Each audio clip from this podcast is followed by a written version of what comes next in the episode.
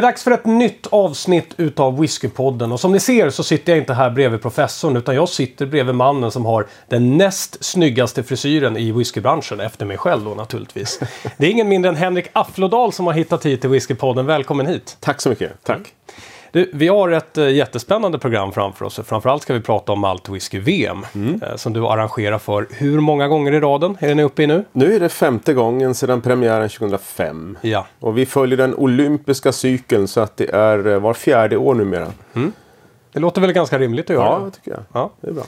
Och vi ska prata ännu mer om det sen, men jag tänkte bara att du måste få berätta vad det är mm. som du har tagit med dig i den här lilla flaskan. Det här är en liten eh, fickplunta och läser jag på den så är det då Whiskey Spot, det är Single Malt World Cup, det är Vintage 2018.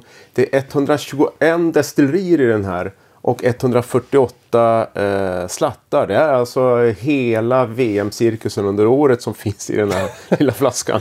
Och det är en blandning, jag har inte räknat dem, men jag skulle tänk, tänka mig att det är eh, ja, 13-14 olika länder. Ja. Det är maltwhisky, det är potstill whisky från Irland och det är faktiskt en hel del ja, rye-whisky också. Inte från Amerika då, utan gjort på, på helmaltsråg, alltså ja, helmaltsråg precis ja. Uh, så det är en, en härlig blandning. Det är kanske mm. inte världens bästa whisky men det är en, ja, det jag tänkte fråga. Har souvenir. Du, den är ju inte helt fylld. Har du provat den? Ja, självklart. Ja. Vad får Vi den för helhetsbetyg? Nej, den där den är lite rökig faktiskt. Den, mm. Eh, det är en hel del rök. Vi har ökat rökinnehållet nu i Maltwhisky-VMs totala. Ja. Så att, eh, men annars så är det en, blended malt. Det är mm. ungefär känslan i det. Vi kanske får prova den senare. För ja, hur den... vi kanske ja. öppna den om en stund. Du, man måste bara börja med, eh, jag vill tala lite om din historia Henrik. Därför att mm. du är en av våra största legendarer när det kommer till whisky. Så jag började undersöka lite om din bakgrund. Eh, och det visade sig att redan i tonåren så jobbade du med cocktails innan du tog in dig på whisky. Hur startade intresset för din del när det kom till dessa ädla drycker? Jag var ju minst sagt minderårig då, men det var en, en kompis och jag och hans brorsas eh, storebrors eh, likörförråd. Mm. Som han hade övergett och tröttnat. Han var några år äldre då. Så att vi gav oss på det där. Vi gjorde regnbågsdrinkar. Eh, höll på flera timmar och lyckades aldrig riktigt för att de här olika, de rasar ju igenom varandra då. Olika densiteter ja. och sånt där. Och det kanske inte är så jättein i, i, på barscenen idag att göra regnbågsdrinkar men det är rätt häftigt att leka med. Men sen så eh, det, det som är i, i, grunden och botten och kärnan av en drink är naturligtvis eh, den osockrade spriten då. Ja. Eh, allt ifrån rom och gin är ju egentligen den bästa drinkbasen kanske och whisky är den knöligaste. Så att, eh, vi kom inte så långt på whiskydrinkarna men däremot så tyckte jag att det var ganska gott att dricka det som, som det var. så att eh, jag lämnade det cocktailandet och eh, sen blev det whisky för hela slanten så småningom. Mm. Året 2000 som du säger då så skaffade du whisky som yrke. Beskriver mm. du. Var det redan då som journalist eller vad började du göra då? Jag gjorde ett, ett Hercules-projekt på 90-talet. Det var en, en CD-ROM-bok. Eller det var en digital bok men på den tiden så var det inte internet riktigt som var grejen. Det var CD-ROM. Mm. Så att det var en världswhiskybok då med, med eh, ja vad skulle jag tror det är typ tusen sidor eller sånt där. Eller ja, 12-1300 sidor om man skulle börja räkna sidor på det där. Då. Mm. Så det var en helt enormt galen grej egentligen. På engelska dessutom. På engelska dessutom? Ja. Och vid den här tiden. Det måste ha varit ganska ja. unikt ändå om man talar webben, cd-rom och så vidare. Det fanns ingenting liknande då. Uh, den var, jag skrev den ju på svenska. Jag fick den översatt av en jätteduktig engelsman då som, som numera är framliden. Men Eh, det var nästan ett litterärt litterär ton i hans översättning. Mm. Och eh, frågan är hur den där ser ut för att eh, man måste ha typ Windows 95 som köra ja. Så det är ju det som är nackdelen. En, en riktig bok, jag har skrivit några sådana också ja. med papper. De är ju odödliga på sitt sätt. Va? Mm. Eh, men den här teknologin är ju jobbig om, om 100 år. Vad är det vi kan läsa ifrån 2010-talet? Liksom? Ja. Man undrar ju. Det lär vi få se. Mm. Nej, det, inte vi men... Inte vi, men andra. Ja.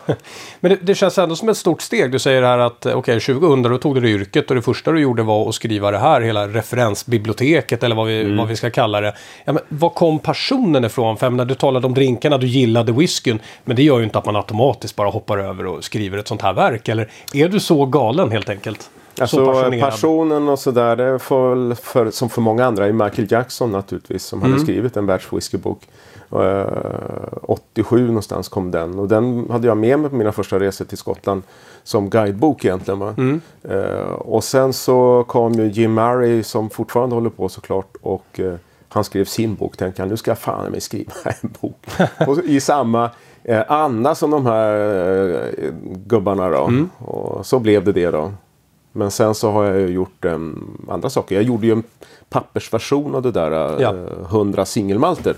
Lite senare då. Yes. 2007 om jag inte har läst helt fel här. Så Stämmer bra det. Då kom ju den ut och det är ju då um, 100 små, ska vi säga noveller nästan. Det var en väldigt komplicerad bok att göra egentligen. För Mm. att det, det, du måste läsa in det på 100 olika stories. Och sen så omsätter du och själva konceptet till boken var ju att jag plockade ut standardwhiskyn. Eh, och sen så testade jag blint hela det där och sen så rangordnade jag allting. Okej. Den, den, bästa destilleriet först och sen så rangordning ända ner då. Eh, Och håller du med om listan idag? Ja, i stora drag är det ju, Ja. stämmer ju allt det där såklart. Va? Men sen så är det ju det som är själva poängen med, med det här med maltwhisky-VM. Det är att eh, det är ju en aktuell man har temperaturen på den aktuella situationen på whiskyscenen globalt. Då. Eh, och då är det vissa destillerier som ploppar upp. Eh, vi har ett bra exempel och det är ju Dewars eh, som ägs av Bacardi och de har Aberfeldy eh, som är the home place of Dewars i Skottland. Ja. Och den har man alltid kunnat köpa. Eh, men sen så har man då eh, för några år sedan så, så, så paketerade man och började lansera den här eh, som jag kallar för blending malt whiskyn. Alltså som används till blended scotch egentligen. Men som då paketerades om som singelmalt och började säljas. Och de fanns ju inte om man går tillbaks några år i, i, eh, i maltwhisky VMs historia. Men så ploppade det plötsligt upp då nya destillerier i Skottland som vi kan köra. Och boken var ju ett, ett, ett testament eh, ifrån den tiden. Va? Men eh, kvaliteten ligger ju i den sprit som man kokar fram. Ja. Och blir det jävligt bra buteljeringar då blir det det på grund av att man satsar eh, mer energi på att blanda ihop eh, de här buteljeringarna med en blender då, som får mycket tid och, och kraft uppifrån eh, ledningsgruppen och sådär. Så att det sker mycket på scenen och det ser vi ju på Maltwhisky VM hur det funkar. Ja, och vi ska snart hoppa in i detaljerna kring det. Men jag tror att alla vill höra din fulla historia. Så jag Ja. fortsätter lite här med tidslinjen bara. 2005, då besöker du Skottland för första gången och arrangerar Maltwhisky-VM för första gången. Men kommer du ihåg din första resa till Skottland? Vad du gjorde? Du, jag var ute och gick och vandrade. Eh, hade med fiskespö och sådär men, men jag hamnade på Ben Nevis som är det stora Nevis, ja. ja, hög, högfjällsmassivet där man kommer upp faktiskt. Eh, eh, där man kan åka utförsåkning också om Mm. man kommer upp då på, på riktiga klippor. Eh, Men man kan gå upp på toppen då så att eh, jag och kamrat var uppe på toppen och sen så kom vi ner och då så som en hägring vid bergs fot så är Ja. destilleriet där, Ben Nevis. Eh, ett eh, liten nedgånget, eh, det intressanta med Ben Nevis senast jag var där det var att de hade målat om fasaden ut mot, mot vägen men sen det, det som är bakom var det säga omålat. Men det var ju känslan där också att det var ett, ett lite oupptäckt destilleri. Eh, och det var ju min första destillerirundtur och det är som vanligt eh, inga besökare, ingen turism. Men eh, managern förbarmade sig, tog oss runt, hamnade i lagerhuset. Och då drar han upp då med sin valink det här eh, destillatet ifrån, jag tror, någonstans på 60-talet. Va? Det var här var ju så länge sedan. Va? Eh, så att, eh, då fick jag en, en whisky som var jämnårig med mig själv. 23-24 någonstans där va? Var whiskyn. Ehm, och där började ju själv, själva resan då. Ja. Och det här var ju då på, på 90-talet som jag, som jag hittade ner till den grejen då. Så att sen har det fortsatt. Mm. Och du nämnde ju det här att du har skrivit böcker. Är det någon bok du själv skulle rekommendera framför andra? Ja, men även du måste ju ha evolverats över tiden i sättet du skriver. Ja, det enda jag kan rekommendera förutom antikvariaten och så för att den här 100 single malts är slutsåld sedan länge. Va? Ja. Men den japanska whiskyboken eh, är ju fantastiskt kul att läsa. Eh, med otroligt vackra bilder. Eh, ser ut faktiskt som det är fotografier. Den är tryckt i Italien, värld, alltså Europas eller världens bästa boktryckeri.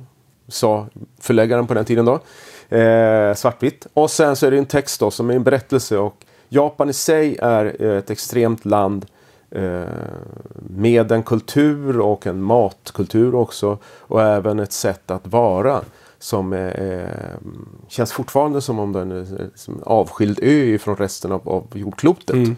Och det gäller ju då även eh, berättelserna kring det här som är rätt fantastiska. Så den japanska whiskyboken, den är klart man ska Även om den japanska whiskyn är svår att hitta nu.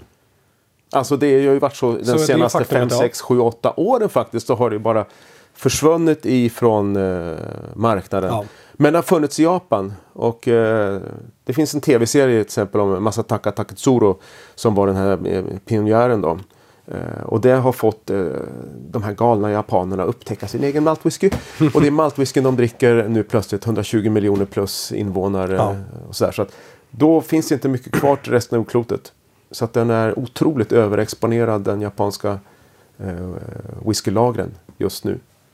Du bli glad att höra också att eh, det är faktiskt eh, den senaste whiskyboken jag köpte. Jaha, Så här har du en levande reklampelare och det var bra bilder, jag lovar Ja. dig. Jag lovar dig. Ja. Ska vi hoppa in på Maltwhisky-VM nu då? ja. Är det det du är mest stolt över av allt du har gjort? Nej, det kan man inte säga. Det enda jag, alltså det som driver mig det är att få prova, få prova whisky. och sitta på mitt kontor och i, mitt labb liksom och, och testa whisky. Och jag har börjat närma mig 7000 dokumenterade upplevelser nu då. Så att det är det som är grejen. Och få, få grotta, grotta ner sig. Och du vet att man, man testar en whisky så, så får den några minuter.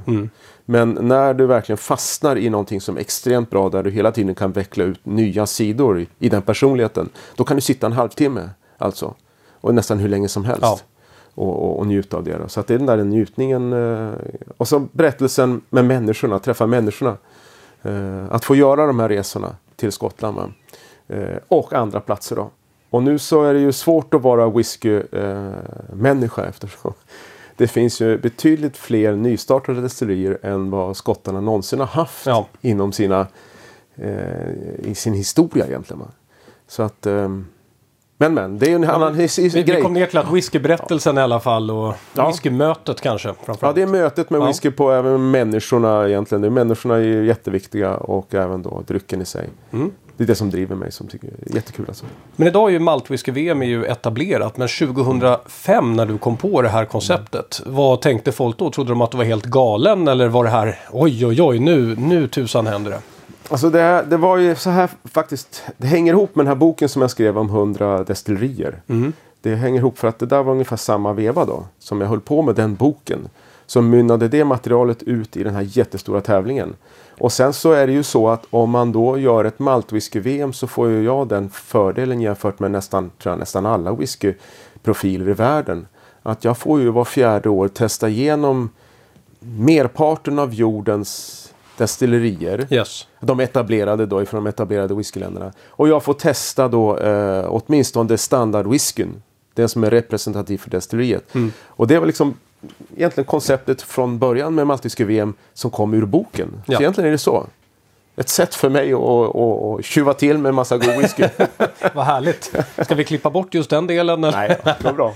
Men du, konceptet då, om vi tar det. Nu arrangeras den för femte gången. Hur fungerar den här turneringen? Kan du förklara för någon som är helt novis och lyssnar på podden nu. Vad är Maltwhisky-VM? Eh, det är världens största dryckesarrangemang.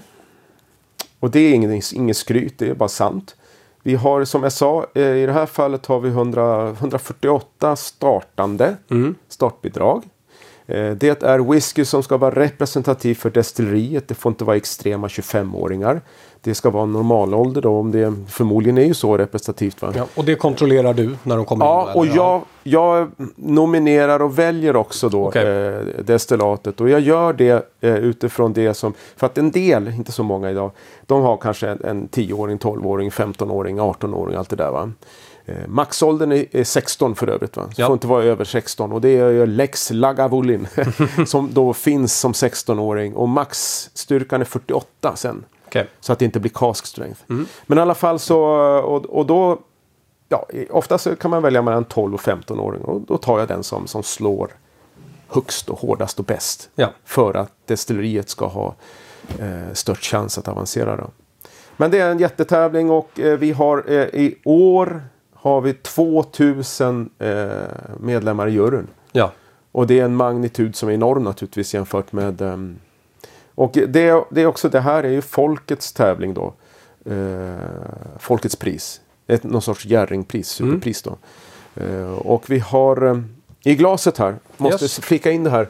Det här är en, ett destilleri som har vunnit den här tävlingen två gånger Okej. av fyra chanser då. Eh, Vi har inte haft semifinalen i Sherry. Den är med i semifinalen i Skären också. Får vi se om den tas till final. Va? Eh, det här är ju... ehm, ja, vi kan titta på men kan nosa på den först då. Sherrytoner. Verkligen. Den är, är ju så, sockrig och ganska tung.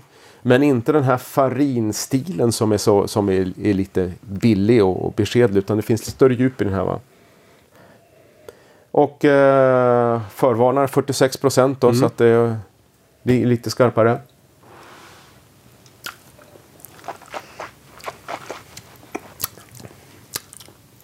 Ja, vad tror du? Tror du att den har en chans? ja, det tror jag. Jag tror faktiskt den har en riktigt bra chans idag. Nej, Har den dessutom en rätt trevlig balans. Vilket är Ja. någonting jag letar ganska mycket efter. Och sen så har den, den planar inte ut i vanlig Oloroso. För det brukar vara så. Det finns den här baktonen. Men det finns också den här färska goda frukten. Ifrån äpple över till, um, jag faktiskt har lite mango här. Det är konstigt va? Smakar personligt. Jag ty- Men- tycker det är helt underbart när man för en gång skulle inte behöva den som sitter här och berättar alla smakerna. Titta Nu kommer det, det välkända rivet. Ja, nu kommer rivet och här är den. Åh, det är Glenn Farklas. Glenn Farklas, alltid 15-åringen. Och när 15-åringen kom här ehm, en bit in på, 20, på 00-talet där. Det fanns ju då bara 43 procent kör de ju normalt sett det här bolaget. Då. Mm. Men sen så 12-åringen, storsäljaren är ju det exempel. Och 10-åringen är ju den stora i UK. Ja. Alltså den man brukar köpa. Men den här är 46. Mm. Så nu har jag glömt, jag har fått svaret eh, på frågan varför de gjorde så här. Men, men den är ju lite mer nördig och lite mer konnässöraktig den här då. Eh, och den har vi använt i Maltwhisky-VM. Den har vunnit eh, två gånger av fyra chanser. Så det är en extrem whisky. ju. Eh, och den här verkar i form så verkligen. who knows? Den kanske är i bra final. form och ska jag berätta att sist jag var i England köpte jag precis en sån här. Ja. Och det berodde bara på just att eh, balansen som kommer i. Och du nämnde det här med att det inte är farinsötma och det gillar jag därför att det är mer åt vaniljglasshållet. Eh, Och jag föredrar den. Det smälter lättare i munnen. För det finns det, liksom det, det är den här ytterligheten. Om det är mycket farin och, och tunga, nästan lite romsockrigt. Mm. Det är inte den fina. Eh, utan den ska sjunga med, med frukten på andra sidan. Och den ska plocka fram oloroson och det här goda som finns i skären då. Men sen så ska den ju också ha många bottnar. Då. Det är jättesvårt att göra en skärflaska eftersom den eh, kan lätt bli dominant och ganska så i mittfåran någonstans va, där sherrytonerna går. Eh, du vill ju kunna ha den här komplexiteten och den här om, mångbottnade. Men det är inte den som är regerande mästare ska vi säga då. Eh, för fyra år sedan, förra gången då, jag har så dåligt minne, fusk, fusklappen här. Eh, då är det Glenn Dronach som är regerande mästare i den här um, um, klassen då. Inte heller ett dåligt val. Eh, Betydligt mycket mer sockersötma i den dock. Tycker jag. Ja, och den är ju då en superklassiker eh, som kom från Sherry. va. Och Macallan som alla tänker på eh, när, när jag var ung, då var det Macallan 12-åriga som var den enda whiskyn man kunde räkna med eh, som, som Sherry. Eh, och den har ju varit i, i final, tror jag, en gång av fyra möjliga nu då. Så det är inte alldeles självklart att man är superkändis och, och, och så att komma till eh, och sen, sen så, utan att sti- skriva någon på näsan, att gå till final i den här tävlingen eh, krävs nästan att det är 46 procent. Ja. Ju. Och det har att göra med integriteten i whiskyn och tätheten i den. Och eh, som jag brukar förklara för folk som inte är whiskynördar. Eh, när whiskyn kommer ur ett fat, eller den kommer från pannan och kommer ur ett fat efter 10-12 år. Va? Då har det strax under 60 procent. Alltså 58-57 procent. Och där är den whiskyns naturliga tillstånd. Sen så när du ska sälja den till konsument. Då drar du i vatten Yes. och spär ut den till 40. Och det är bara att jämföra. Vad smakar mest? Blandsaft i, i, i, i grundtillståndet eller nedvattnad blandsaft? Och då så brukar ju folk fatta konceptet då. Och det är bättre med 46 för det ger en, större täthet, mer intensiva smaker och i en blindprovning så kan det vara ganska nödvändigt. Så 40 Mm, ganska procent är ganska kört. Tyvärr, att komma till en final numera. Jag förstår det och där kan du få tampas lite framförallt med smakerna om sherryn. För jag håller med dig där. Jag vill att du behåller den tanken för du ska snart sitta med professorn om vad som är rätt sherry. Bra. Ja, håll den. Nu, eh, konceptet bara återigen då, då. Ni börjar med, vad börjar man med? En åttondelsfinal? En kvartsfinal? Eller Ja, hur? precis. Vi börjar med kvalet eh, och i det här fallet så har vi ett kval där vi har eh, alla dessa eh, småflaskor som är droppar som finns i den där. Eh, Och då är det sex stycken per kvalprovning. Det är en blindprovning så att folk röstar på sina två favoriter som ska gå vidare Ja. till semifinal. Och så blir det majoritetsbeslut och så går två vidare. Okej. Och sen så har vi en rad semifinaler i, i de här tre smakklasserna. Det kanske jag inte sagt då. Men sherry det är en smakklass då. Ja. Och det är egentligen eh, kan vara vad som helst egentligen. Eh, allt utom vanlig ek. Så det kan vara till och med romfat. Det kan vara olika starkvinsfat, rödvinsfat, vitvinsfat. Ah, okej. va? Ja. Allt som manipulerar och vrider om destilleriidentiteten. ja. Eh, Men ni benämner den som sherryklass? Ja, det, för att det är traditionellt sett i stort sett nästan alltid sherry Ja. eh, på sluttampen ändå. Va? Som är den dominerande eh, ja, starkvinsfatet i, i, i whiskyhistorien. Sen så har vi eh, andra ytterligheten, det är peated då såklart. Och det är inte lite rökt utan det är ju jättekraftigt torvrökt. Och där har vi då Isla Whisky alltid i finalen. Men i år på grund av eh, den här enorma floran av eh, rökutbudet då. För ett destilleri kan vara med i tre klasser alltså. Eh, du kan vara med i sherryklassen med en tappning då. Ja. Du kan vara, och Balvenie har faktiskt varit med i år på alla sätt. Va? De har nämligen en rökig, riktig, alltså på riktigt rökig version nu för tiden. Va? Plus att de har en, en bourbonfatslagrad och sen så har de den här sherryn då. Yes. För att den tredje klassen då, det är ju Malty Style. Där man låter whiskyn vara i fred ifrån konstiga fat och dessutom inte har rökt den så hårt med, med, med torva. Eh, så det är de, en, två, tre då. Ja. Och sen så, okej, okay, semifinaler. Jag, just det, jag sa det här med röken då. Vi kommer att ha två stycken Isla Whiskys i finalen. Men den sista eh, finalplatsen går till någonting annat. För vi har två stycken semifinaler i rök. Spännande. Och den som inte är avgjord, som inte jag alls vet vad, vad som kommer hända, så kommer vi få en icke-Isla. Och det är någonstans eh, för att spegla den stora magnituden av, av rök i, i världen. Och så kanske bryta den här Ayla-hegemonin som är så dominant. ja. Jag tycker det är kul. Ja, Tycker det är roligt när det utmanas. Ja. Och finalen, den ska stå när då? Första december eh, här i Stockholm på Mm. Hotell Hasselbacken på Djurgården. Härligt. Får vem som helst köpa en biljett och komma dit Ja. och kolla? Eller? Ja. Kolla, nej då, man är ju med som sagt. Mm. Ju, eh, Du är ju, det är ju folket som röstar. Så att det är, kommer att vara 150 pers eh, självvalda whiskyexperter. Mm.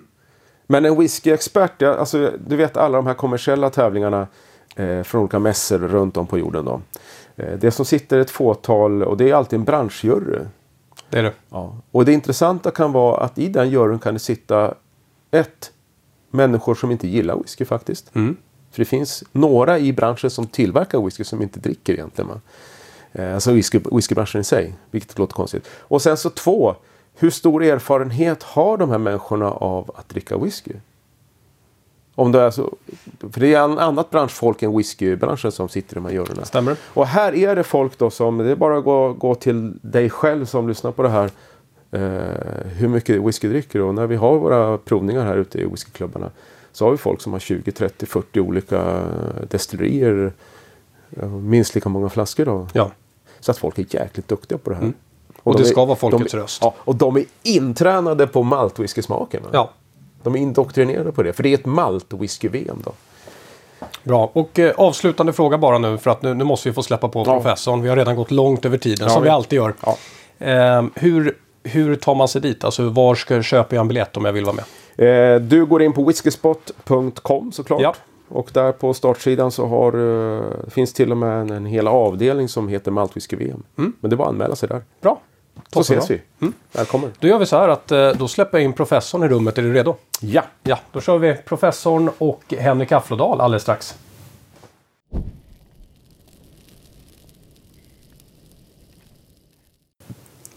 Okej, då är faktiskt professorn på plats också och jag välkomnar mig själv till programmet och säger återigen välkommen till Henrik Afflodal. Tack. Kul att se dig igen. Ja, detsamma. Ehm, och det vi ska göra som jag har förstått i den här delen av programmet är att vi ska eh, ta lite utvalda smakprover ur whisky-VM Ja. eh, och se vad det är för whisky som är med egentligen. ja. Och så här kommer den ut då. Den presenteras blint. Eh, ofta är det ju sex glas i en kvalprovning eh, och nu har vi bara två stycken. Jag har plockat ut. Eh, råkar vara från två olika situationer då i och för sig. Va? Men eh, vi kör på. Vad spännande. Vad, Så i vilken ände ska vi börja här nu? Vad är det, det här vi har framför oss, är det någon, är det någon speciell klass? Ja, De just det. Precis. Det här är ju då New World Whiskey Championship. Och det är en, en ny, egentligen ny tävling i den stora tävlingen. Eh, och New World är nya världen då på svenska. Eh, det är alltså nya destillerier. Det finns en, en, en lång diskussion. Vad är egentligen ett nytt destilleri? Det behöver inte bara vara nybyggt. Utan i min definition är egentligen att det är eh, människor som tänker utanför boxen. Okej, så det är mer alltså att man kanske har en ny stil av whisky eller gör på något nytt sätt snarare Ja. än att det, att det är ett helt nytt destilleri. Så då kan man säga att om man till exempel befinner sig i Skottland i den industrin och har jobbat i 20, 30, 40, 50 år i industrin och ska starta ett nytt destilleri och få en massa pengar då av investerare. Då kommer det naturligtvis bli en supertydlig scotch. Alltså Ja. den kommer att smaka precis ungefär som alla de andra. Ja. Men med det sagt så finns det ju en hel rad faktiskt. I Skottland under 2010-talet fram till 2020 nu då, så kommer det att byggas 50 nya skotska destillerier. Ja, det är det- ingen som förstår riktigt. Men, och då räknar jag med. Macallans enorma stora. Men även då sådana här små privata äventyr. Mm. Och de tänker ju utanför boxen. Men eh, det är inte så lätt att göra det i Skottland. För att försöker du göra något experimentellt så är organisationen där och hugger direkt och säger du får inte göra så. Men i Sverige eh, till exempel så är det lättare att göra sånt. Och i alla de olika länderna runt jorden. Så att, är det nystartat, eh, har ett nytt koncept. ehm, eller nytt koncept, men, men gör det lite på ett lite annorlunda sätt. Så är det ett nya världen destilleri. Mm. För så funkar det inte med till exempel vin. Va? Den där är ju nya världen. Då menar man Ja, nya världen precis. utanför Europa eller utanför kanske till och med Frankrike nästan. Ja, och Italien då och Spanien. Så att nya världen är, det kan ju vara i Skottland också. Så vi har haft några skottar som varit med. Men det är då nya projekt eh, med, som bryter lite ny mark konceptuellt. Då. Så eh, vi har två stycken eh, destillat här. Om vi luktar på dem då så. Jag kan avslöja att det här är inte Skottland något av det då. Utan det kommer utifrån den stora vida världen. Estrar såklart i första glaset. Ja, Vi kan hålla båda i handen faktiskt så kan man hoppa emellan lite snabbt. Här är en annan typ av, av eh, lite sötare estrighet i nummer två. Va? Det är nästan lite champis, äppelkompott. Parfymerade toner under. Kanske lite lättare. Den här är lite, ska vi dra till med lite malt och korn och den typen av, man Ja, känner den här har malttonerna mer, tydligare. den har betydligt mer spannmål i doften. Ja, den har det, än vad den här har. Eh, Och jag ska faktiskt nämna en annan sak också när vi sitter här. För nu har vi suttit här nästan hela programmet men vi har inte berättat var vi sitter någonstans. Eh, för det här är ju en väldigt trevlig miljö vi sitter här och provar whisky och eh, vi sitter faktiskt hos Clydesdale. Så vi ska rikta tack till Clydesdale för att vi fick möjligheten att sitta här just idag. Tack för det. Då så. Ja, Ska vi smutta? ja det tycker jag vi ska göra. Ja, det gör vi det. Skål.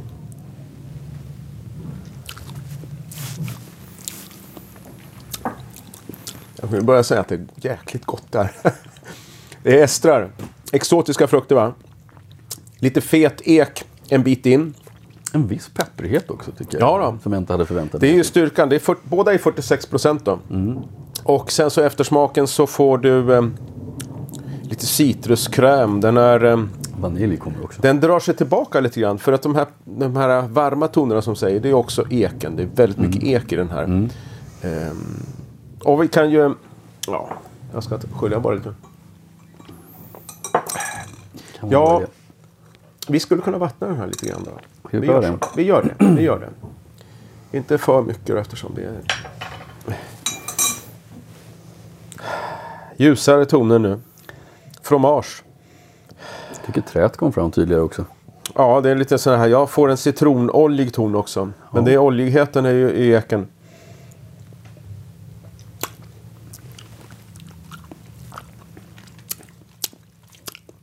Mer komplexitet, visst är det det? Frukterna expanderar över hela munnen. Syra. Det stramar ifrån eken eftersmaken va? Värme är ju där. Och savande, jag älskar det ordet.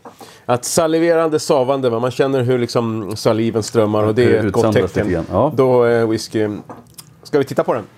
Ja, det ska vi göra. Ska du gissa någonting? Ja, jag kan, jag kan gissa. Min bästa gissning skulle vara att det här är Asien och att det är faktiskt kanske till och med Indien. Det är min gissning.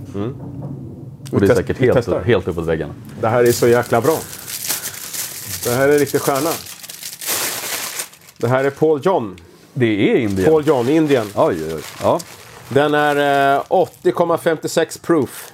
Mm. Vilket är det brittiska gamla okända systemet för att räkna alkoholhalt. Och den är då, då 46 procent såklart. Mm. Och det är Brilliance som vi har, har eh, tagit nu. Då är Då. det inte så konstigt att jag kan tycka att jag kan associera med Indien för den har jag ju faktiskt provat. Så det, det, det, det är väl något vagt minne därifrån som, som sitter kvar. Men hur gick det i tävlingen för den? Det är det som är det obehagliga här. Mm. För den här åkte ut. Jag kan förstå det, därför att den här har en ganska, en ganska eh, klassisk eh, försiktig ton. Eh, och den, den, jag, jag tror att i ett startfält där man, som du nämnde tidigare i programmet, där det finns whisky med kanske betydligt större attityd, så kan den få problem. Och nu var det så att det här var ju nya världenklassen då. Mm. Så att jag räknade ju iskallt med att den här skulle sopa hem banan. Mm. Och den som vinner den här tävlingen det är Mackmyra.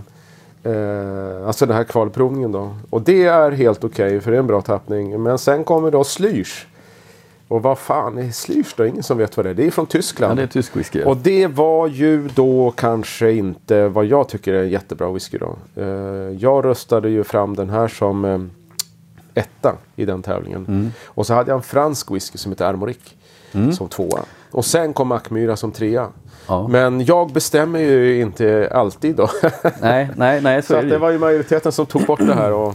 Mm. Men Paul John är ju kul för att det är ju då det är jättestora grejer här. De är åtta i världen med eh, något som heter Original Choice. Heter ju den tappningen. Mm. Och den säljer eh, 8, 11 miljoner lådor. Ja, de har bra försäljning och framförallt ska vi säga att det här är ju långt ifrån den enda tillgängliga Paul John-whiskyn. De har en ganska stor serie eh, i Ja. core-rangen och även utanför core-rangen med single casks och annat som, som finns att få tag på. Det är roligt Ja. faktiskt. Den Eh, är synd att det inte gick bättre för den. Ja, det är eh, ju... Men så är det. Den är väl... Mm. Ja, vi får se. Jag tror den är mer i rökklassen också. Jag Mm. har så otroligt eh, lite rörigt minne här då. Men det är möjligt att, att den kommer att vara med i Peated. Ja, I de den har andra någon- semifinalen tror jag Paul John är med där. Och där Ja. får vi hoppas hålla tummarna då. Ja, ja, vi Men den här då? Ja, den här är ju lite annan i stil i, i doften. Har vi smakat på den här? Eller? Nej, det har vi inte gjort. Nej, då 17 då ska jag smaka.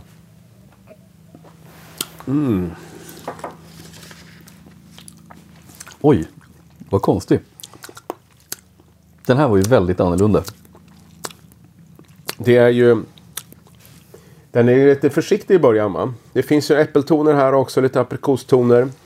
Ehm, den går ut i... det- här, jag kommer ihåg, jag provade den här häromkvällen bara. Den går ut i, i peach melba. Alltså den här glass va? Ja, ja faktiskt. Ja. Åt det hållet då. Ehm, det kanske inte låter så gott men det är ju väldigt god whisky i alla fall va? Och, kryddig, och så kryddig såklart. Ja, va? sen har den lite nötbitterhet och lite en, en viss brändhet som jag inte riktigt kan sätta fingret på. Det är rök. Ja, det är rök alltså. För det, Det är är en väldigt, en väldigt Kan jag avslöja? ovanlig rök. eh. Ja, så det finns en liten rök. Men den här eh, ska vi vattna då och eh, se vad som händer med. Jag kan nog säga på det- en gång att jag aldrig har druckit den här, men jag kan ha fel. Nej, det har du nog inte gjort. Och här blir ju den re renas lite grann. Du har fortfarande den här um, champistonen. Du har... Jag tycker Lite algräs och sånt där. lite grann den faktiskt och kanske kom fram lite mer eh, Ja, den är lite snällare. Visst är den det? Komplext nu. Håll i er.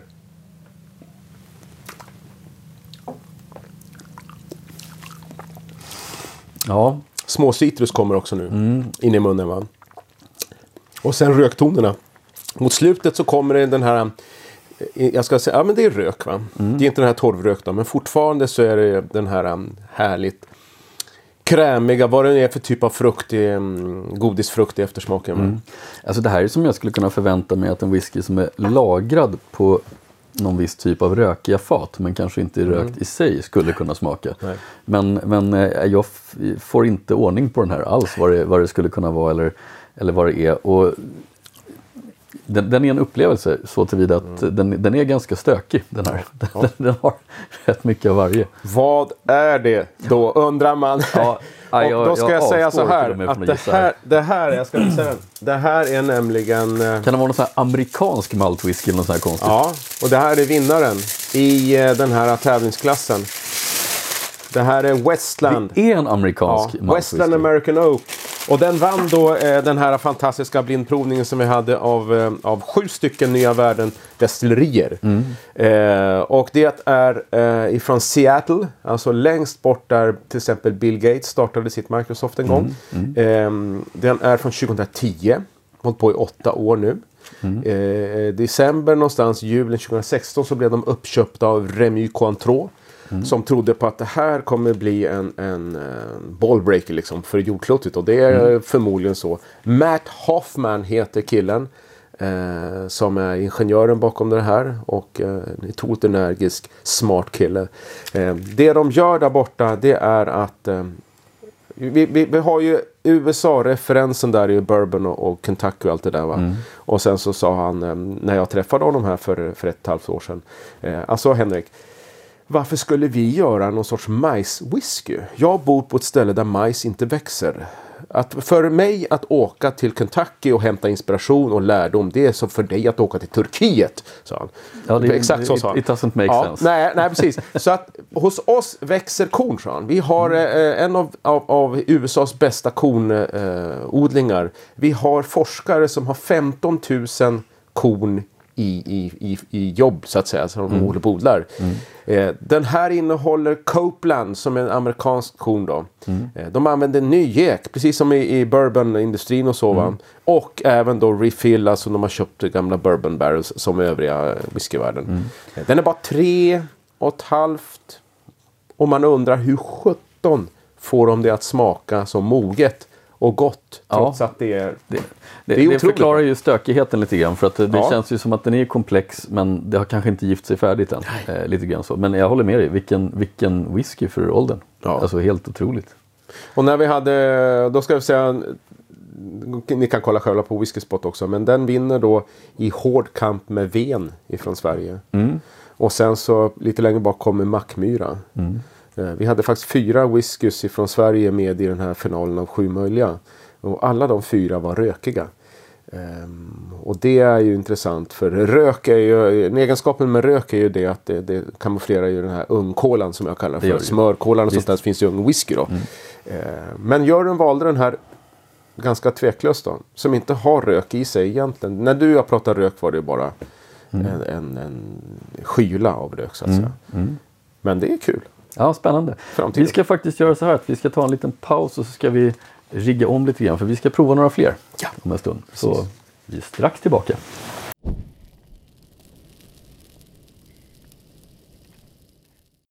Ja, då har vi möblerat om lite grann här på bordet och fått fram två nya flaskor. Mm. Eh, och nu har vi lämnat nya världen antar jag.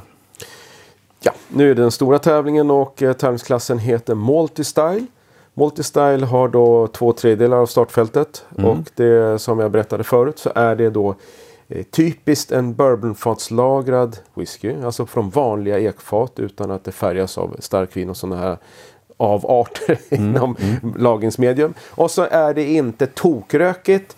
Eh, det ska inte vara någon Ayla whisky i den här tävlingen. Ehm, Ja, alltså men riktig, det det riktig det maltwhisky så att säga. Multistyle. Om det är en Bruichladdie så kan den väl vara med i, i Ja, exakt. Även från Isla. Stämmer bra, eh, stämmer bra. Men, Så men det har vi inte haft. Isla, typical Style. Nej, inte typical. Nej.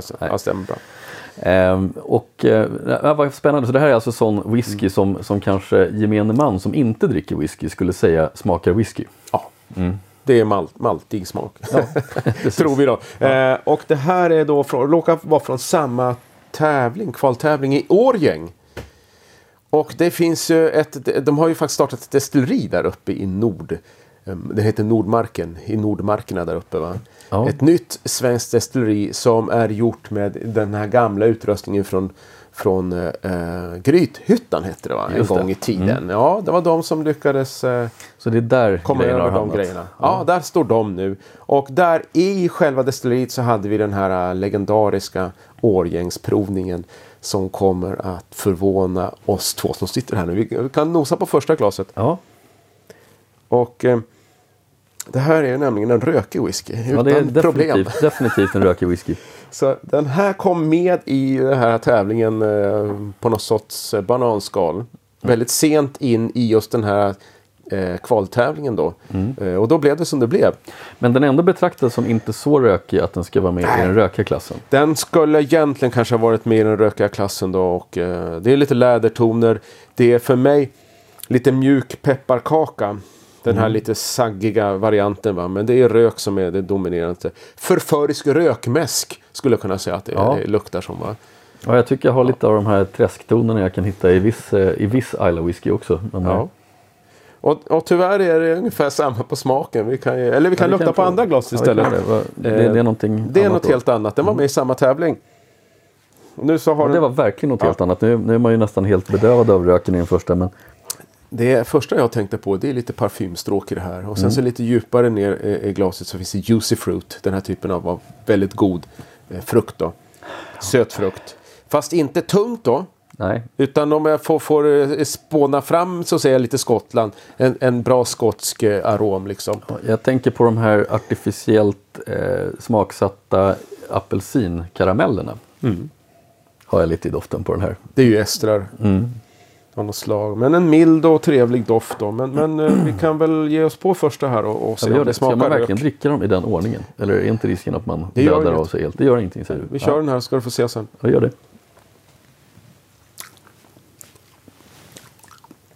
Rök. Torr rök. Luftigt sökt torvrök. Torvröken kommer ju efter en stund va? Lite jodstänk till och med. Ja. I eftersmaken så är det lite medicinala över, övertoner va? Jag tänker direkt Men väldigt på... ren och enkel är den ju. Ja, jag Det tänker direkt på Cool. Isla när jag dricker den här. Eh, för det, det är samma typ av rök för mig med just eh, de här tonerna och faktiskt även i viss mån som en, som en liten blek Lagavulin nästan. Men, och det får man ju i den här eftersmaken, så känner du att det är ungt också. Ja, Det är eh, förmodligen under 10 skulle jag tro utan att veta. Mm. Nu ska vi nog eh, ta och skölja med vatten. va? eh, där tror jag att det kan behövas Mm. lite grann. Ehm, och så tittar vi på, ja vi tar en sipp på den här då, nummer två. Mm. Oj. Åh herregud. Det här är tropiskt. Det Ja, det. tropiska, en tropisk sommarnatt. Med druvor och karambol. Och sen så inte rök kanske, men lite torrare ekchoklad mot slutet då. Ja, den här är ju en, en helt annan karaktär. Och Alltså, rök igen. Eller så är det den förra som... Men det finns rökflagor i den här... När man tystnar i eftersmaken. Men det är ju frukten som, som lever och bär va? Ja, det är det absolut. Det är möjligt, jag kan inte avgöra heller om, det, om röken är från, från den förra vi drack eller från den här. Men, men den här är ju en, en riktig fruktbomb utan att kännas Konstigt, överdrivet ung. Det är 46 procent på den här då. Så att, eh, Mm. eh, den här, när man lägger vatten i den här så blir den dramatiskt fantastisk. Jag ska värma den här lite grann också. Den här borde kunna ha potential känner jag. Här finns det då, eh, kommer fram lite oljiga toner, lite smöriga toner ifrån eken. För den har ju några år på nacken den här. Och sen finns ju den här exotiska eller tropiska. Men det blir, känns att den blir lite lugnare och kanske inte lika friskt glad i frukten va? Nej, jag tycker faktiskt att den Lite blev lite ek. mer... Den, den, den kändes plötsligt lite äldre i doften på något Ja. sätt. När man vattnade den. Och det nu- behöver inte vara dåligt. Och nu kommer mitt mantra här inför smaken. Långsam smak. Och när det är långsam smak då är man nära himmelrikets kant. Alltså. När det vecklar ut sig sådär sakta. Det är drömmen hos en whisky. Va? Nu hoppas jag att det blir så. Vi provar. Ja, vi provar. Mm, du känner hur det tar tid för den att växla upp. Va? Druvor från början. Du har den här karambolen. Som är lite grön. Lite lemon curd. Och så lite äppelkompott på slutet. Och sen så den här eftersmaken. Som värmer också. Det kryddar på. Mm. Eken finns där. Lite krämig. Lite fetare ek. Men det är kryddorna som driver. Jag tycker till och med den blev oljigare nästan i munnen efter vattning. Ja, eh, och så- konstigt sätt. Fenolerna där, för att det finns ju rök i den här på riktigt. Då. Mm. Jag vet ju vad det är, så att jag, jag vet att det finns fenoler. Det är en fruktmatta i eftersmaken Mm. och sen så kommer de här um, oljigheten då. Eller de här fenolerna. Ja, men det är nästan som att man går från en, en väldigt lätt fruktkaka med ananas och sådana saker och så går man liksom via något slags ört, eh, örtinslag med det lite mer grönsaksörtighet, kanske nästan lite i viss mån lite gräsighet och sen, och sen, kommer, sen kommer frukten tillbaka och blir lite mörkare än, än den var från början. Ja. Ja, det, det, det här var läckert faktiskt. Men nu är vi alltså i Årgäng. Och eh, det där med rök är ju speciellt. Det är svårt att förhålla sig till. Speciellt om det dyker upp en rökpava mitt ibland. Det är som katten bland hermelinerna och, och allt det där. Och om vi tittar på den här, för det är den här som vinner. Den här utklassar alltså alla skotskar. Ja, jag kan- Skotska legender. Jag skulle kunna tänka mig att den där antingen skulle vinna eller åka ut på, sista plats i, i sällskapet. För det är ju så, den, den här sticker ju uppenbarligen ut. Den här bara vinner. Och det är då något skitkonstigt. Det här är Kura. Förstår ni? Kura Rum Cask Finish. Och den fick en listning här i Sverige alldeles nyligen faktiskt. Ja, det visste jag inte att den fanns här. 40-procentig. Ja, Eh, och eh, då, Och då undrar man ju vad fan är det här? Och ja, men den, den är ju också en slags... Det här är ju nästan Japans Ayla då eftersom det här är väl Okinawa. ja det är Ja. Helios Distillery. Men jag var tvungen att göra lite efterforskningar på det där då. Det är svårt att, att kontakta dem men, men eh, jag hittade lite information. Eh, det visar sig naturligtvis att det här är en skotsk blandmalt. Mm. Som han har köpt. Eh, eftersom historien bakom Helios det är ett romdestilleri. Det är det man sysslar med. Man gör rom Okej, alltså i okej. olika. Så gör man eh, eh, en massa japanska eh, dryckestyper också. Från öl eh, och, och även chochu och sånt här som de sysslar med. Brännvin. Mm. Eh, men man startade romdestilleriet 1961. För att haka på eh, tiki-trenden ifrån Hawaii då. Så att liksom eh, eh, göra lite affärer där. 80-talet så kokar man whisky. Man kokade whisky fram till 2001. Då la man ner den tillverkningen. Ändå säljer man whisky. Ja, Och den här alltså- är en skotte. Ja. Rakt av. Men då har man tagit över den med, med båt till, till eh, Japan. Och så hällt den på ett, ett romfat Ja, ett år. Ja. Mm. En slutlagring. Som inte märks egentligen eh, på smaken. Utan det är fortfarande en rökwhisky då. Vet du vad det är? Skulle det kunna vara en Cool Ayla? Nej, det är en blandmalt så att eh, det är nog en, en mix. Eh, vi kan säga det att eh, du får idag inte föra ut en singelmalt ur Skottland. Det måste buteljeras i Skottland. Det är lag. Mm. lagen säger så. Så därför så skulle det precis som du säger kunna vara en, en Kolila med några droppar och något annat i. Och då är det lagligt att föra ut det. Ja, man kör ju teskedsmetoden Ja, eh, vara. ibland. Ja. Eh, när man bara sätter en tesked av något annat i ett fat. För då är det plötsligt tillåtet. Fast jag skulle tippa att det nog innehåller mer, eh, det är rökwhisky i den här men som har blandat ut det då. Mm. Men det intressanta var ju att den mötte den här flaskan till exempel. Eh, Och den hade inte en chans då. Vilket Nej, är ju det- förfärande. Ja, det är faktiskt förfärande. Och det här är ja, och det också är Klein, speciellt. Klein, Klein Leash. Ja, Klein Leash 14. Och den har ju precis som du säger lite Ja. rök. Ja. Eh, och den, den, den röken gick mig förbi efter japanen dödade den. Eh, men, eh, men visst, det här, den här känner jag ju väl till, eh, Klein Leash. Och den här är så speciell. Va? För att titta på Klein Leash Distillery som ligger i Northern Highlands en bit upp då i Skottland. Eh, detta eh, råkar vara Jim Beveridge käpphäst i livet. Alltså. Eh, När han ska åka till Skottland, vem är det nu då? Jo, det är ju Diageos Master Blender som är chef för Johnny Walker och hela John, eh, Diageo kretsar kring den whiskyn i stort sett bara. Smirnoff är lite halvdant men Johnny Walker är grejen. men, eh, och det här är hans favoritplats på jorden. Han vill helst åka hit och han vill dricka spriten och det ska vara the, the vaxiness, vaxigheten som han letar efter. Då. Eh, som, det är all, aldrig lätt att, att kommunicera i den här världen för att alla har sina uttryck. Då. Eh, men i alla fall, när jag fick den här eh, på vår första blindprovning här så var det ju min etta. Men eh, grejen den att den här är så fruktglad på ett sätt som jag aldrig någonsin upplevt. Och jag skulle säga att den här flaskan som vi har här nu. Det är nog den bästa Klein Leash som, som jag träffat på i min karriär. Då. Och, eh, Ja, nu vet ju jag att den här har gått till en semifinal och jag vet hur det har gått i semifinalen. Så att eh, om jag fick bestämma så skulle den vinna eh, Maltwhisky-VM. Vi får se om, hur det går med den saken. Men jag Ja. har inte sagt något mer. I say no more. Nej. Det är dags för oss att ta en liten paus till innan vi går in på sista sträckan. Ja. Så vi återkommer.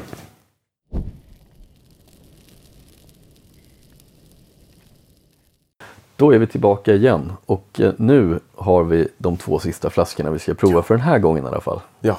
Det har varit väldigt spännande eh, hittills och de här fyra vi har provat har ju varit väldigt olika Ja. varandra. Ja. Får man säga. Så det är en väldig spännvidd. Så nu är man ju nyfiken på vad är det vi eh, ska prova nu. Ja, det råkar falla sig så att vi är i Mariestad för den här kvalprovningen och eh, ett gäng skottar. Så vi kan säga redan nu att det är två skotska whiskys här eh, i glasen. Och eh, de är väl inte de största stjärnorna. Och det kan väl ett inpass då. För att komma långt i den här tävlingen, om vi tittar på, på hur det har sett ut genom åren. Så har vi väl aldrig egentligen haft de stora varumärkena långt, långt framme. Nej. Alltså de här topp 10 i världen. Eh, Delvis beroende på 40 procent eller mycket beroende på det också. Det är mer eh, specialiserade destillerier med större karaktärer som ska gå långt i en sån här tävling också när smaken styr. Men du tror inte att det kan vara så också att de största destillerierna har ju ofta som, som standardutgåva har ju de en ganska billig eh, mainstream-produkt som ska sälja volym. Eh, och att det därför kan vara så att de kanske har en lite lägre eh, baseline i sin, i sin eh, standardutgåva så att säga. Ja, alltså kvalitetsmässigt så kan de ju inte riktigt ha det då. Nu är det en annan situation idag eftersom lagren har varit så ansträngda. Mm. I Glenlivets fall har man tvungen att frångå eh, försäljning av 12-åringen. Ja, eftersom man kunde inte möta efterfrågan. Och då hade man, eh, man gjorde så att amerikanska marknaden har aldrig saknat en droppe. De har sålt 100% fullt ut på amerikanska marknaden. Och svenskarna har en, som enda land utanför USA haft den. Men UK har inte haft 12-åringen på många år. Den Nej. kom i somras tillbaka. Men då betyder det att när man har sådana hårt ansträngda lager så, så blir det jobbigt. Men annars så har du ju Glenfiddich. Hela deras produktion, matris va, den går ut på att förse bolaget med 12-årig maltwhisky. Med alla dessa små pannor som kokar. Va? Så att kvaliteten ska vara densamma. Men sen så kan man ju välja att lägga karaktären hos produkten eh, eh, när man är blender. Och för dem så vill de ju säga att Balvenie är den mer karaktärsfulla i yngre åldrar. Men äh, vi vet ju när vi provar gamla dyra Glenfiddich att de är ju som, det är som himmelriket.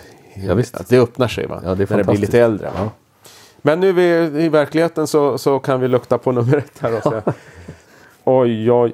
Nej, jag får inte lukta på den här för att eh, luktar jag på den här så röstar jag fram den till ett VM-guld direkt. För att den här är det här är en sak som jag, som jag har myntat i mitt liv och det är gammelestrar. Gammelestrar. Jag det är ett förstår precis vad du menar. Ja, Eh. och det är alltså bedagade. Det finns en syra i, i estrarna här. Eh, det finns också en oljighet, va? en läderton i det. Och det är någonting som uppstår bara i gamla fat då.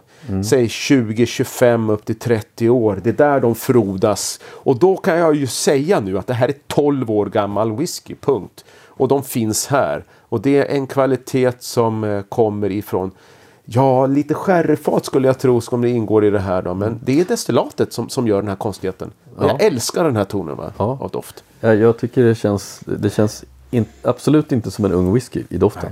Och det är Eh, det. Ja, jättekonstigt. Jag måste Man får vad den. man betalar för alltså. Nästan.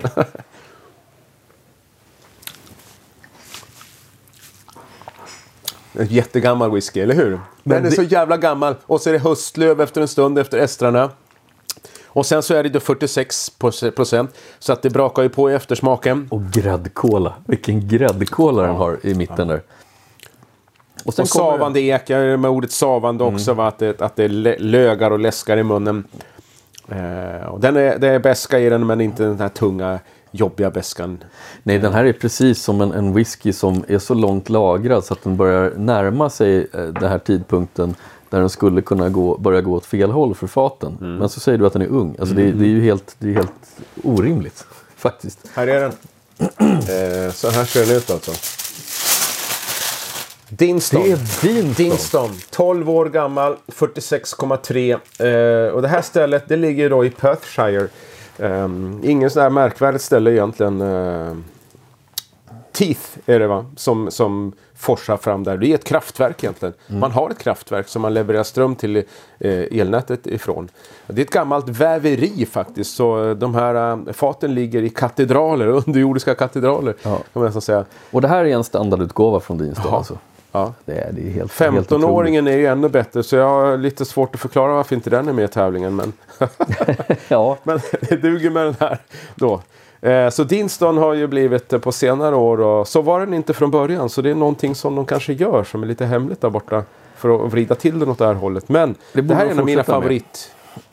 När jag eh, sent en kväll vill ha en, en gammal whisky som är jävligt billig, då tar jag fram den där. ja det, här, det, här, det här var... En eye-opener va?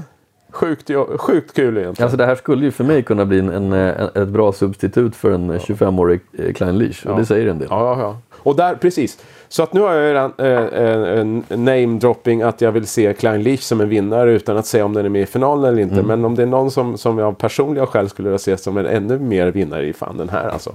Huffa. Ja, ja, ja den, den, den får många röster av mig också. Det här är, det här är riktigt läckert alltså. Vilka grejer. Då är det sista glaset nu då. Och nu ska vi se, för det här är otroligt spännande på många sätt. Va? Det här är... Den här är lite defensiv i doften va? Lite mörk sirap tycker jag plockar upp i den. Ja, det är mer sirap. Det ska vara mer frukt i den här. Ja, Jag känner inte så mycket frukt. Men det, Men det ska också finnas, eh, det finns en liten kryddighet bakom det här. eh, En liten dold, eh, nästan pepprighet. Men den kommer inte fram. Men det är eh, då aldehyder i detta. Det är alltså gräs och blommor och, och den här typen av lite, som du säger, lite mörkare toner också. Så att doften är eh, inte den godaste idag. Det är den inte. Men smaken den kanske kanske. saknar lite värme. Jag tycker att det kommer åtminstone lite, lite eh, halv, halvfärdig halm i den. När man värmer på den lite. Testa smaken.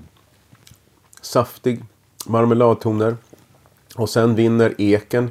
Eller destillatet, det är eh, tvistade lärde. Men du får den här kryddigheten och värmen i eftersmaken. Och du får även mycket ek. Ni får ändå säga att det är ektoner. Den här eh, Det och krispiga beskan nästan. Ja, exakt. Det är, alltså, det är nästan så att... Den, Skalbeska brukar jag säga. Ja, ja precis. En skalbäska är en bra beskrivning. Den, den, den, den känns nästan som att den är också är på väg att bli överekad. Men det kan ju inte rimligen vara för jag antar att den här också är ung då. Det finns en, eh, vi kan ta den sen, storyn, det en väldigt komplicerad story bakom den här. Eh, förvirrande också. Eh, många, många bottnar den storyn. Men lite vatten i det här då. Så borde den rensas. Ja. Det blir lite smörolja. Renare.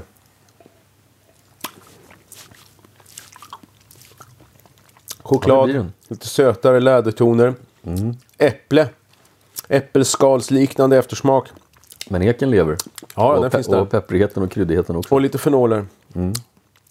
Det var så här att eh, i den här tävlingen som vi körde i Mariestad. Va? Då vann Dinston knappt före den här flaskan. Detta är Longmorn 16 år 48 procent. Det är den regerande världsmästaren som står här nu. Ja. Den flaskan som för fyra år sedan eh, vann den här titeln. Eh, jag hade Dinston som etta i den kvalprovningen, vilket är inte så förvånande med tanke på min relation där. Jag hade Belveni som tvåa. Den här kom längre ner för att eh, jag fick liksom inte stil på den. Den är lite bökig och lite knölig. Ehm, jag, jag tycker den är god här. Ja, den är inte, det är inte Den något fel. god. Det är absolut inget fel på den. Men det är ingen sån där som man skulle lägga på minnet riktigt. Nej. Alltså den, här, den, den passerar som en god whisky. Men den ska vara bättre. det säger man ju då. Och sen så du pratade om den här eken. Ja, den var ju 15 år från början. Va? Eh, och jag har, ju, jag har ju provat den här i yngre åldrar. 6, 7, 8, 10 år. Va? Och när den är ung är den pepprig. Spriten är väldigt pepprig från början.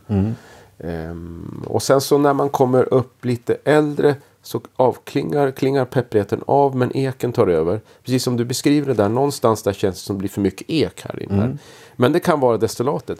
Men för att runda av då så pratar jag med Sandy Hyslop eh, i Skottland som är masterblender och chef för hela Chivas-koncernen. Så han alltså använder Longmorn, han har gjort det hela sitt liv i Ballantines som han jobbar dagligdags med. Va? Och han beskriver det här som en fruktig, god jäkla whisky utan pepprighet.